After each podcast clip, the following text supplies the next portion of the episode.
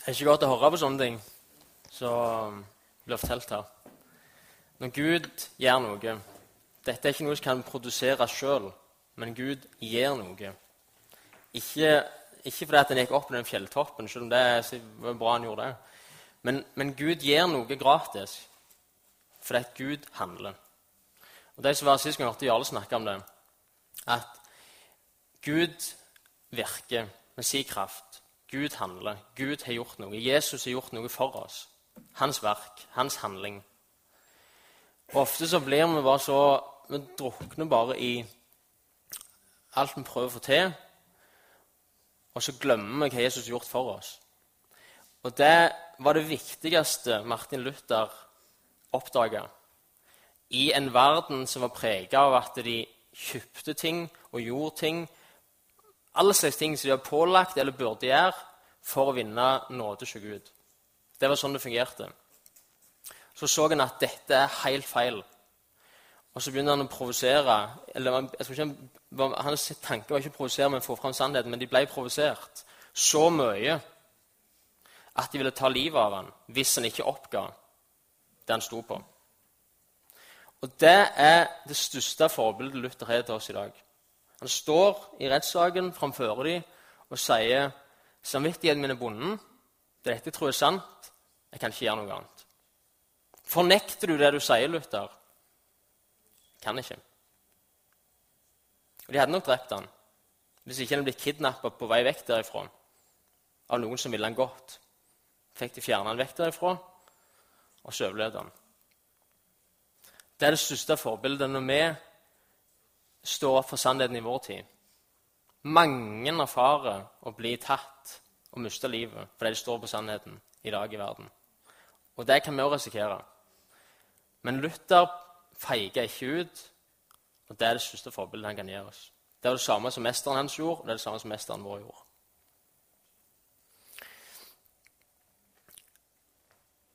Men hva skjer når du kommer til en neste tale, neste bok, neste undervisning, neste gang du leser noe i Bibelen som utfordrer oss på hvordan vi lever? Gi til de fattige. Ikke sett deg sjøl først med de andre. Legg ned livet ditt. Hvis noen vil være en disippel, må han hver dag ta opp sitt kors og følge meg, sier Jesus. Så leser vi overalt om ting vi skal gjøre. Og så er det noen av oss blir sånn Og noen blir sånn ja, 'Det er bra med litt utfordring.' Så gir vi gass. Så prøver vi en stund, så blir vi veldig slitne. Og så er det sånn åh, ja, korset ja, og Jesus, vi må tilbake der. Vi kan ikke holde på med dette her. Så er det tilbake, og så er det nåden og frelsen og korset. Åh, dette var mye bedre. Så går det videre, og så kommer disse tingene igjen som vi skal gjøre. Så ser vi at det er jo Jesus som sier dette. Det er klart vi må gjøre det. Så prøver vi litt til. Så går det ikke. Så er det ikke så veldig mange utveier på dette her. En utvei er å si at eh, Ja, altså det er klart hvis du, du Det er et tilbud for de som vil gjøre litt ekstra ut av det, litt sånn, men det er ingenting med frelse å gjøre. Det er ingenting med om du kommer til himmelen å gjøre. Det er ingenting med evigheten å gjøre. Det er kun Jesus og han på korset som har med det å gjøre. Alt dette her greiene på sida, det kan du ta et ekstrakurs for de som er litt ekstra engasjerte. Eller så sier du Det er alternativ N. Eller så sier du Jeg tror at Jesus sier dette for at vi skal, skal faktisk kjenne på dette her. Så vi skal huske at vi må tilbake til han hver gang. Så Det er litt sånn lureri, for han, han, han vil ikke at vi skal gjøre det. Han vet at vi får ikke til å gjøre det, men han vil at vi skal kjenne på den følelsen at vi ikke får det til.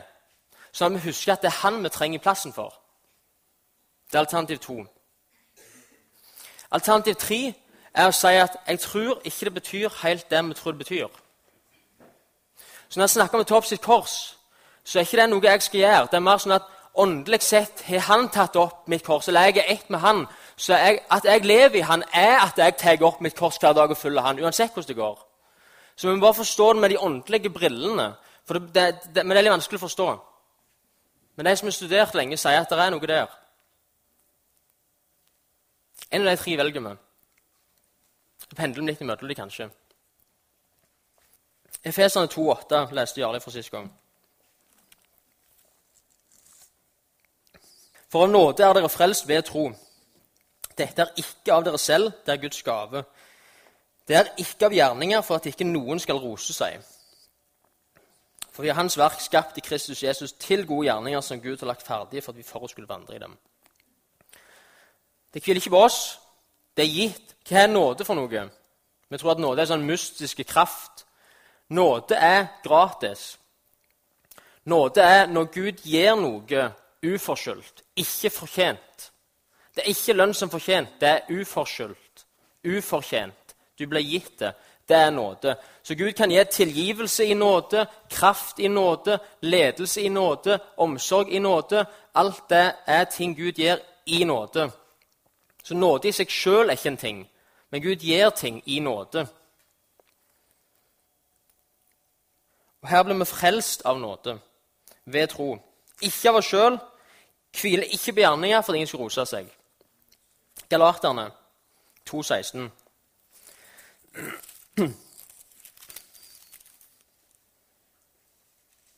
Men da vi innså at et menneske ikke blir rettferdiggjort av lovgjerninger, men ved tro på Kristus Jesus, da trodde også vi på Kristus Jesus for å bli rettferdiggjort ved tro på Kristus og ikke av lovgjerninger. For ikke noe menneske blir rettferdiggjort av lovgjerninger.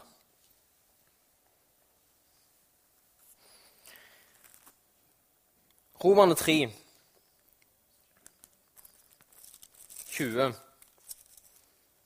snakker om, om synda, at alle er under synd, at ingen har del, alle har synda, og ingen del i Guds rettferdighet, ingen del i Guds nåde, eller ingen del i Guds herlighet.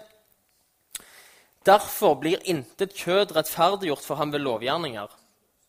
For ved loven kommer erkjennelse av synd. Men nå er Guds rettferdighet, som loven og profetene vitner om, blitt åpenbart uten loven. Det er Guds, rettfer Guds rettferdighet ved tro på Jesus Kristus. Til alle og over alle som tror, for det er ingen forskjell. Alle har syndet og står uten ære for Gud. Og de blir rettferdiggjort uforskyldt av Hans nåde ved forløsningen i Kristus Jesus. Ham stilte Gud til skue i hans blod som en nådestol ved troen for å vise sin rettferdighet fordi han i sin langmodighet hadde båret over med de synder som før var gjort. Ved dette ville Gud vise sin rettferdighet i den tid som nå er, så han kan være rettferdig og rettferdiggjøre den som har troen på Jesus. Hvor er så vår ros? Den er utelukket. Ved hvilken lov? Gjerningenes lov? Nei, ved troens lov. For vi holder for at mennesket blir rettferdiggjort ved tro uten lovgjerninger. Eller er Gud bare jøders gud? Er han ikke også hedningenes? Jo, han er hedningenes. Så sant Gud er én, han som rettferdiggjør de omskårne av troen og de uomskårne av troen. Opphever vi så loven ved troen. Langt derifra vi stadfester loven. Hva skal vi da si om vår far Abraham? Hva oppnådde han etter kjødet? Dersom Abraham ble rettferdiggjort pga. gjerninger, da har han jo noe å rose seg for. Men det har han ikke fra Gud. For hva sier Skriften? Abraham trodde Gud, og det ble tilregnet ham som rettferdighet. Den som har gjerninger, får ikke lønnen av nåde, men som noen har fortjent. Den derimot som ikke har gjerninger, men tror på ham som rettferdiggjør den ugudelige, han får sin tro tilregnet som rettferdighet. Så må dette leses en del ganger før alt synker inn. Ehm, men, men, men det, det, det, noe kicker inn. sant? Det, det er veldig tydelig, det er noen tydelige ting her som er tru, ikke gjerninger. Uforskyldt, ikke som fortjent. Jakob 2.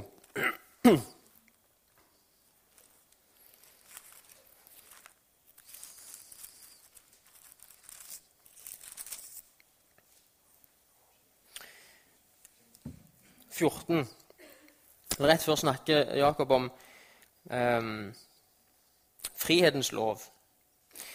Så sier han senere eh, Mine brødre, hva gagner det om noen sier at han har tro, når han ikke har gjerninger?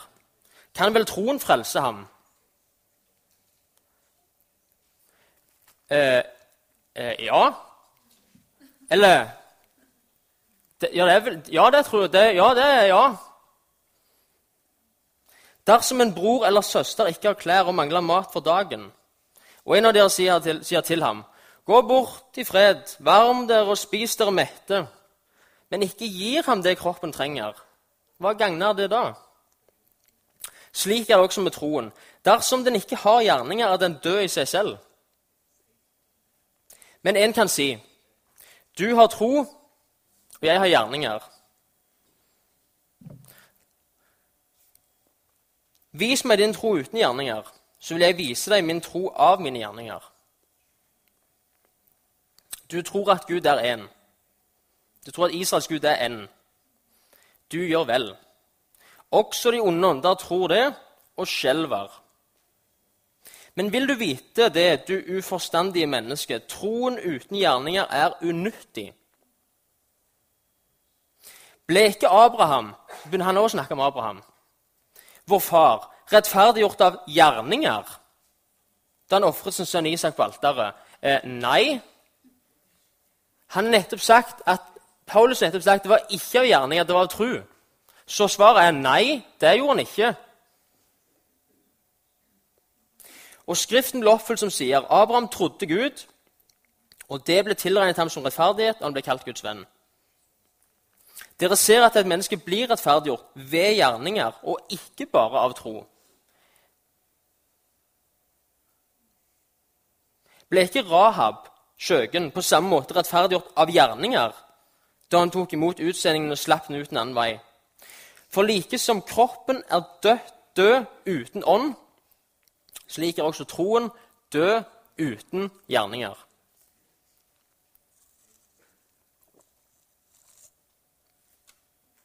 Tre valg igjen. Enten uh,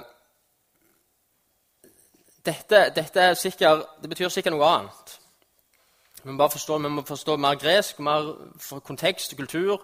Og Han som skrev det, kanskje bror Jesus, han var en jøde. Han hadde ikke tenkt ikke helt riktig. Det er en del ting vi forstår her. Hvis du forstår det, betyr det ikke det det står. Eh, det betyr mer at hvis du, hvis du tror, så kommer gjerningene som en konsekvens av det. Selv om det står jo ikke her. Men, men det, det, er en måte å tolke det på. Eller at hvis du bare er takknemlig for det frelsesverket Jesus gjorde på korset, så kommer det bare ting. Det er bare å være takknemlig nok. Eller prøv å oppdage hvor takknemlig du kan bli, eller finne ut hvor stort det er, så kommer bare disse gjerningene automatisk av seg sjøl. Trenger ikke tenke på det. Så det er bare en slags spissformulering. eller det er litt sånn, Han bare pirker litt i det for å holde oss på teten, så vi ikke sovner helt. Og Det er litt paradoks i Bibelen. Litt vanskelig ting å forstå. Eller så, eller så, så sier vi at ok, så, så det er gjerninger likevel. Da hadde jeg visste det var slet. Vi får bare gi gass. Men det mest Hvis du ikke vil ta til deg dette og la dette kverne i deg og lage de problemene til du kommer fram til hvordan det henger sammen alt, så er det mest ærlige å gjøre sånn som Martin Luther gjorde. Og hva gjorde han? Han oversetter Jakobs brev, han oversetter hele Bibelen til tysk, så vanlige folk kunne lese det. Er andre ting vi er enormt takknemlige Martin Luther for. Så skrev han framme i oversettelsen om Jakobs brev denne boka kan umulig være inspirert av Gud. Jeg liker best Efeserne, Galaterne, 1. Korinterbrev, Johannes, 1. Johannesbrev, for de sier alt som er viktig, og vi trenger å forstå. Så oversetter han Jakobs brev, så skriver han i forordet til Jakobs brev dette er ei stråbok. Det er halm. Det er ikke noe kodden i det. Det er ikke noe mat. Så Noen, noen versjoner han ga ut, så han er ikke med i Jakobs brev. Noen ganger hadde han det med, men dette er ikke for Gud. Det er ikke mat i det. Det er ikke brukende til noe. Annet enn kanskje andakt. For det er en del ting han så var sant her. Vi har mye å være takknemlige til Luther for, men det er mye med Luther som ikke er bra. Og Luther bomma stygt her. Ifølge hvem? Ifølge mange som leser Bibelen, men også ifølge Luther sjøl. For hva sa Luther? Skriften alene. Skriften alene, ikke paven, Ikke de gamle skriftene på en eller annen som leser seg fram til noe som kan være sant og bra. Men Skriften er autoriteten. Så ender han opp med, siden han oppdager dette med tru og gjerninger, så er han så låst at han bestemmer seg for at i dette tilfellet så er det Paulus alene pluss Martin Luthers tolkning av Jakobs brev som gjelder.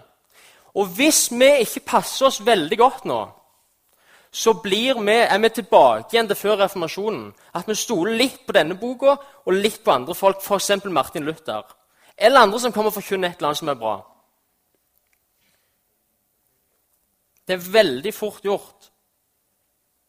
Reformasjonen er ikke ferdig. Martin Luther kom ikke i mål.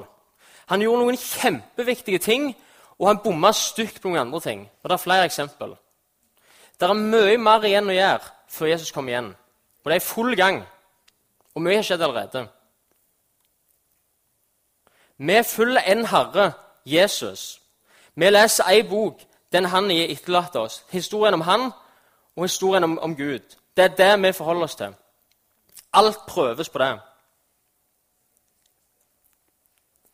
Ja, men Jeg leste boka en. Han skrev at du kan forstå det sånn Jeg har lest Jakob. Eller si du har lest Jakob. Forhold deg til Jakob og Paulus og Jesus. Summen av Guds ord er sannhet. Ikke summen av Guds ord og noen diverse teologer er sannhet. Summen av Guds ord er sannhet.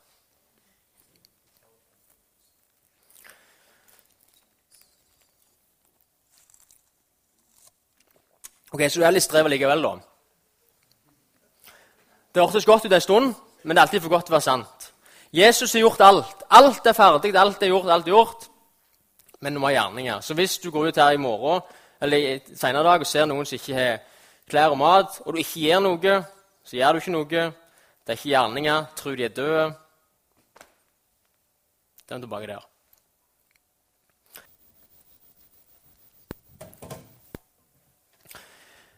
Se for deg at du har funnet en plass, et område som det er advart imot. Dette er et, et fjellandskap langt vekke. Eh, det har vært enormt fristende å reise der lenge. Mange har reist der, men mange advarer mot å reise der. Det er et ugjestmildt område. Det er farlig der, og det ødelegger deg. Men det er enormt mange fristende ting med å være der. Så du reiser. Går opp på fjellet, vandrer rundt, og det er fantastisk. Det er et, dette er mest som et land, et område, svært område. Du går der lenge, og du oppdager vanvittig mange kjekke ting og har det enormt godt lenge. Så går du etter hvert ut på Dette er høyt oppe. Du går etter hvert ut nærme kanten. For du ser ei hylle som ligger litt nede, med dyre edelsteiner. Mange dyre edelsteiner. Og du har nettopp vært i det området der de omsetter disse diamantene og edelsteinene. Og de, de er verdt, du vet hva de er verdt. Så du åler deg ned og klarer ikke å få tak i et par av dem, men du ser at du får bare tak i noen. Etter hvert så tar du sjansen på å komme ned på den hylla. Og du fyller opp sekken med edelsteiner så mye du kan. Eh, etter hvert så ser du at det ligger Eller du ser ned fra kanten, der ser du at det er noen folk eh, som du ikke liker. Eh, og Mens du ligger og plukker der, så, så, ligger det en stor stein, eller mange store steiner helt på kanten på, på den eh, eh, hylla du ligger på. Så du tar en av de steinene, og så klarer du å vippe den ut før kanten. Så treffer du sånn han ene som du ikke liker spesielt, i hodet. Om han dør eller ikke, vet jeg ikke, men, men han, blir han merker det.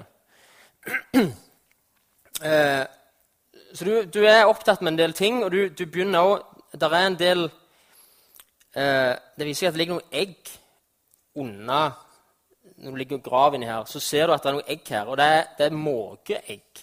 Og du alltid hater måke. Så du, begynner, du trenger en stein, så bare kakker du sunt av eggene som er klare til å klekke snart.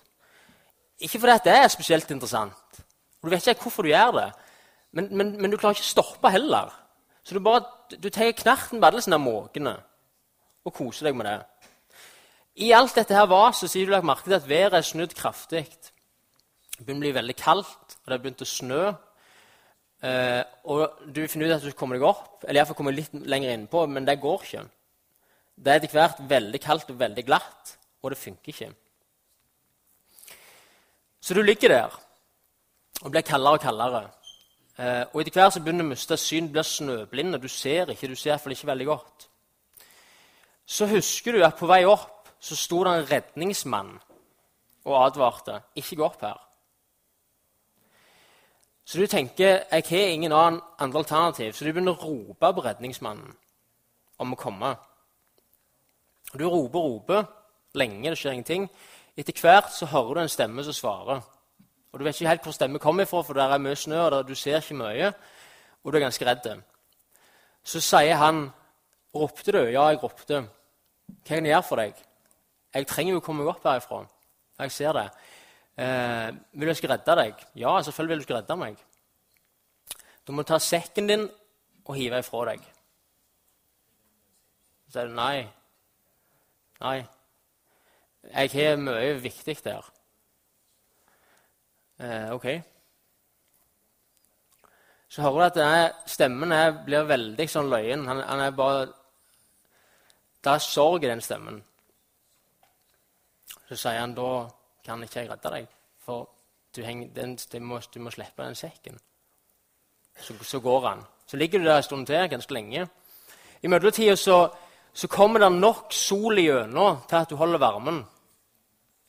Og Han har fra seg noe teppe og noe mat, så da holder livet deg en stund til. Men det er ikke nok, så du begynner ikke å rope igjen. Han kommer etter du har ropt en stund. Så kommer han og sier, 'Hva kan jeg gjøre for deg?' 'Jeg vil jo bli redda.' Du må slippe sekken. Jeg vil ikke. Så holder jeg på sånn som dette ganske lenge. Før jeg går videre Veldig mange historier Normalt sett vil denne historien være sånn at uh, han slapp aldri sekken.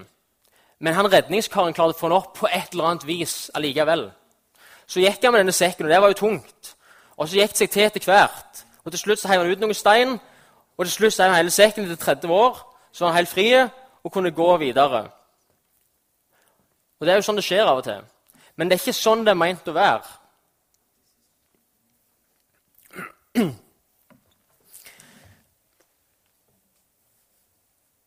Så etter mange sånne runder så sier du til slutt OK, ok, jeg hiver den sekken. Jeg slipper den sekken. Eh, nå må du redde meg. Og så må du ta, du kan ikke holde på å spenne ned de steinene der. Du må krype litt lenger inn på hylla og gå vekk fra de steinene.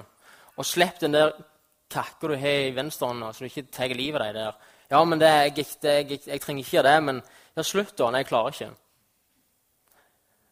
Ja, men det er bare, Jeg er ikke interessert i å drepe deg, det er måken uansett. Det er bare, det er bare Jeg klarer ikke jeg, jeg, Er det så viktig? Stor, jeg klarer ikke å slutte med det. Så sier han, slipp den, slipp foten, snu deg mot meg.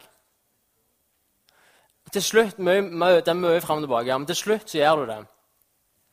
Så kjenner du ei hånd som tar tak bak i foten din og akkurat styrer skrittene litt på denne hylla. Og begynner å rikke. Du vet ikke om han er her, eller om han er bak deg eller på sida av deg, for du ser ikke så godt, men du merker at det er noe som skjer. Så sier han Trø Ser du den greina som stikker ut der? Ja, trø på den. Og så er det et tau som jeg har lagt ut der borte. Hopp og ta imot det med begge hendene. Og dette er over et stup. Det er ei grein som stikker ut, som ikke ser ut som kan bære annet enn måkene, maks.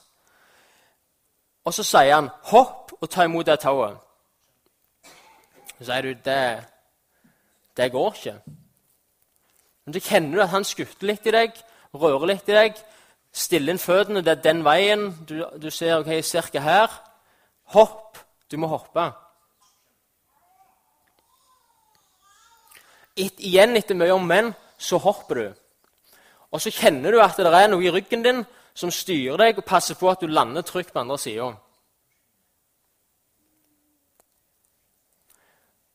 Og så er jo du i ekstase. For nå er du trygg. Du blir varm, du kjenner at han holder rundt deg. Du blir varm av det, og enormt mange ting skjer. Så du er jo i kjempeform. Så sier han Sånn, nå kan vi begynne. Begynne? Hvor vi skal hen? Vi skal der. Bak den fjelltoppen? Nei, nei. Bak den fjelltoppen som er bak den fjelltoppen som er bak den fjelltoppen. Men jeg kan ta mer om det seinere. Men det er den veien. Ja, Men skal vi ikke ned? Ned? Vi skal den veien. Og så begynner du å gå i lag med han. Og I begynnelsen går det ganske godt. Og Det er noen utfordringer her, noen små steiner du må føre. og Du hopper lett over sjøl, og han hjelper deg litt over. og Dette går seg veldig godt til. Etter hvert så kommer du fram til en del store steiner som du skal over. Og som du skal unna, og som du skal ut på utsida. Og han er en litt sånn stikker, så sier han forresten, eh, vi må bort her og ta med noe som ligger der borte. Og det er mange sprø ting som du er med på. Men alltid så kjenner du at han er nærme. Nærme nok til at du er trygg på det du skal gjøre. Iallfall til at du får gjort det du skal gjøre. Og han er alltid i nærheten av deg. Og det er alltid han som bestemmer retningen. Så du sier av og til ikke bare å gå der, for det er ikke så mye vann der. Nei, vi skal rett over vannet der. Så sier du, men det går ikke. Jeg kan ikke svømme så langt. Jeg drukner da. Så ser han bare med et tomt blikk på deg og sier ja, jeg vet jo det. Og så tar han deg mer rett gjennom vannet. Og så skjer det som må skje, at du begynner å synke etter hvert, for du klarer jo ikke mer. Så du kavt deg halvt i hæl. Men alltid så er hånda der. Og løfter nok til at du kommer i mål. Hele tida.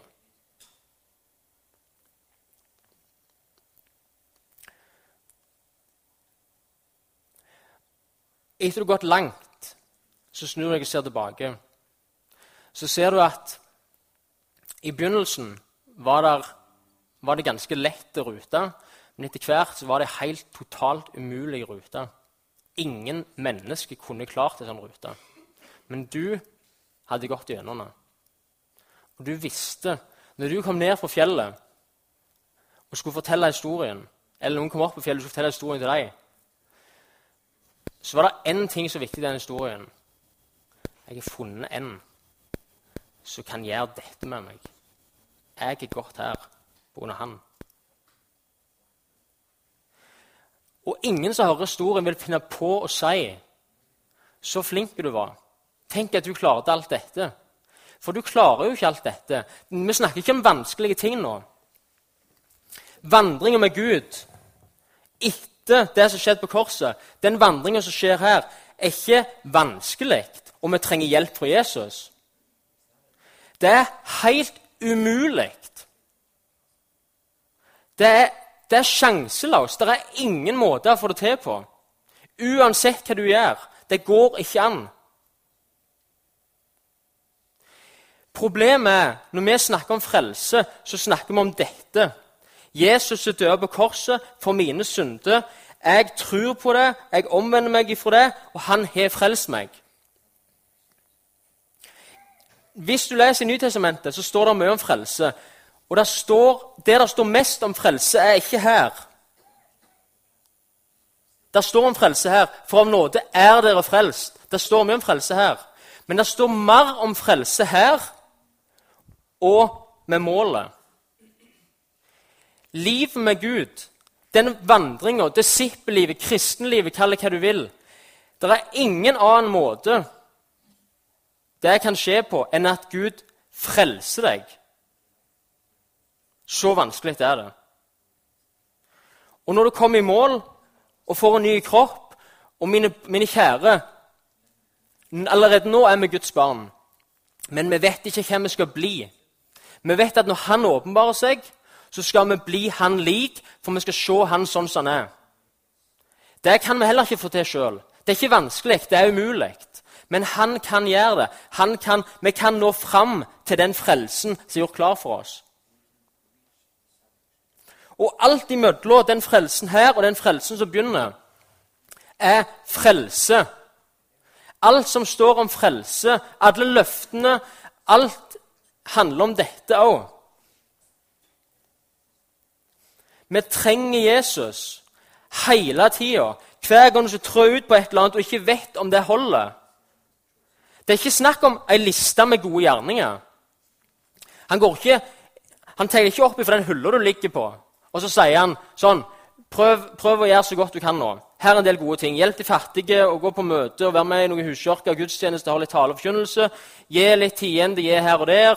Fortell litt om Jesus om naboen, vær en god neste og vise at det er en forskjell på det, sånn, litt sånn. Det er ikke det.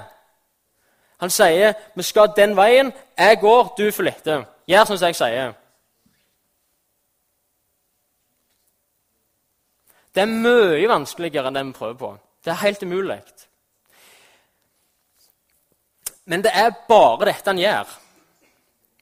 Mange skulle ønske at på den hylla at du kunne krype litt inn og få en eller annen tau til å feste deg i den hylla, og noe teppe å holde varme og nok mat til noen år og så bare ligge der og vente til han kom tilbake med helikopteret, drog deg opp og fikk deg hjem. Det hadde vært mye bedre. Det er det vi ofte vil. Vi vil ikke slippe det vi har, men vi vil jo ha det han har for det om. Men han har ikke et helikopter. Han er bare der. Og Han bruker det han har av redskap der og da. Det, det er ditt liv han vil gjøre noe i. Han har ikke noen annen plan. Så Å, men det blir slit, det blir slit hvis jeg gjør alt dette. Hvis vi fortsatt vil ha ryggsekken på, og hvis vi fortsatt, etter vi begynte å gå, da eventuelt, får tak i en ny ryggsekk og begynner å plukke opp ting, og du skal summe over dette vannet, så ja, det blir vanvittig tungt. Vanvittig tungt. Alt blir tungt. Til og med de små steinene du skal hoppe over, er tunge. Alt er tungt. Alt er strev. Men, men, det er ikke sånn at redningsmannen har forskjellige alternativ. Vil du ha ut med helikopter? Vil du ha litt hjelp her? Skal jeg hjelpe med noen av problemene dine? Hvordan vil du ha det? Han har ett mål. Det er å få deg vekk ifra den fordervelsen du ligger i, og i mål. Og i mellomtida skal du bli som din redningsmann. Det er kun det han gjør. Så hvis du ikke vil ha det, så blir det tungt og vanskelig. Og han kommer, han kommer, til å være tålmodig, han kommer til å vente, men det er kun dette som er planen hans. Han selger ikke forskjellige slags billetter. Superkristen, vanlig kristen, personlig kristen, ultrakristen, bedehuskirkekristen, huskjørkristen, en ny type kristen, born again Christian heter det i Filippinene. Sånn, han selger ikke disse billettene. Han er en frelser, og vi trenger å bli frelst. Pga. at vi sitter fast i dette problemet, og pga. at vi er ikke i mål. Vi er i et farlig land, og vi trenger å bli lik han. Ikke må. Skjerp deg! Nå, han er jo tross alt dødd for deg. Kan ikke du gjøre noe tilbake igjen? Jo, jeg, jeg, det er helt sant. Jeg kjenner det, det, er godt å gi litt tilbake igjen. Men, men ikke, ikke skal bli frelst. Det er ikke sånn det funker.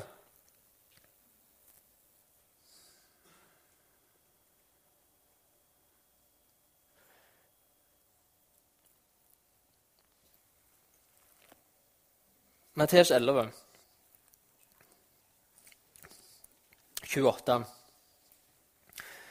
Kom til meg, alle dere som strever og tungt å bære, og jeg vil gi dere hvile.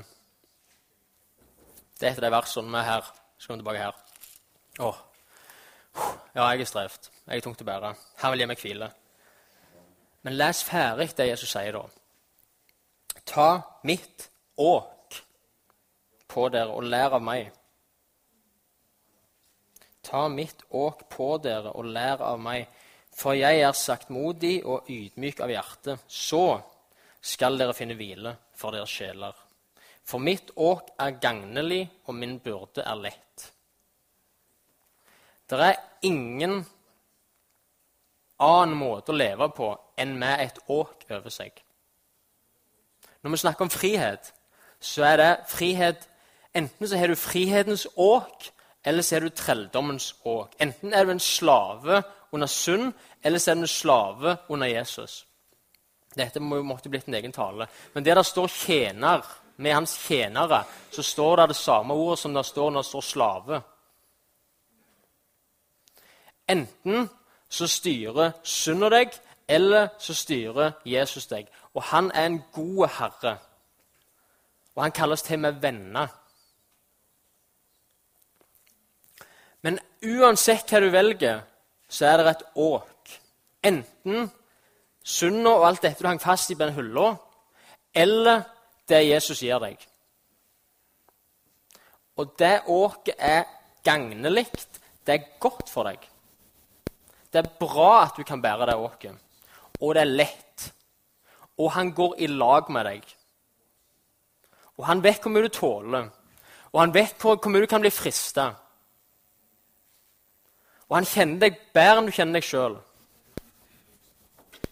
Og han gjør alt som skal til for å få deg til å bli sånn som han.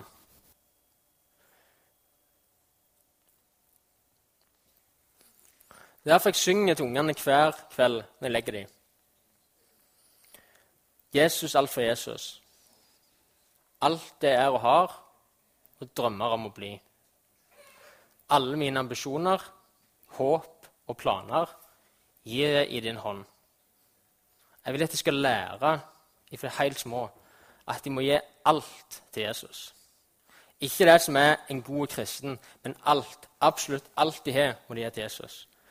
For det er bare i din vilje jeg er fri. Det er bare i din vilje jeg er fri. Det er bare én plass ungene mine kan være frie. Kun én plass. Det er hans vilje. Det er ikke frihet noen andre plass. Alt annet er tungt. For noen så er For mange, selv om vi har kjent og trodd på Jesus i mange år, vi holdt dette på avstand, og så rører Gud med noe nå Så når vi ber og lovsynger, så kan du komme fram og bli bedt for i forhold til det. Eh, men vel så viktig gå ut og gjøre noe med det. Um, og så er det mange av oss som pendler så mye fram og tilbake. Og så er det noen ting som vi vet. Det er noen steiner som ligger igjen fortsatt. Det er noen ryggsekk, det er noe vi ikke vil gi helt slipp på. Som bare gjør denne vekselgreia hele tida. Så igjen, når vi ber og lovsynge, forbønn Hvis du vil at noen skal være med og be inn i det, velsigne det Gud gjør, så er det rom for det. Herre, vi ber om at du åpenbarer deg for oss. Herre, takk for at ditt ord er sannhet, summen av ditt ord er sannhet, Herre.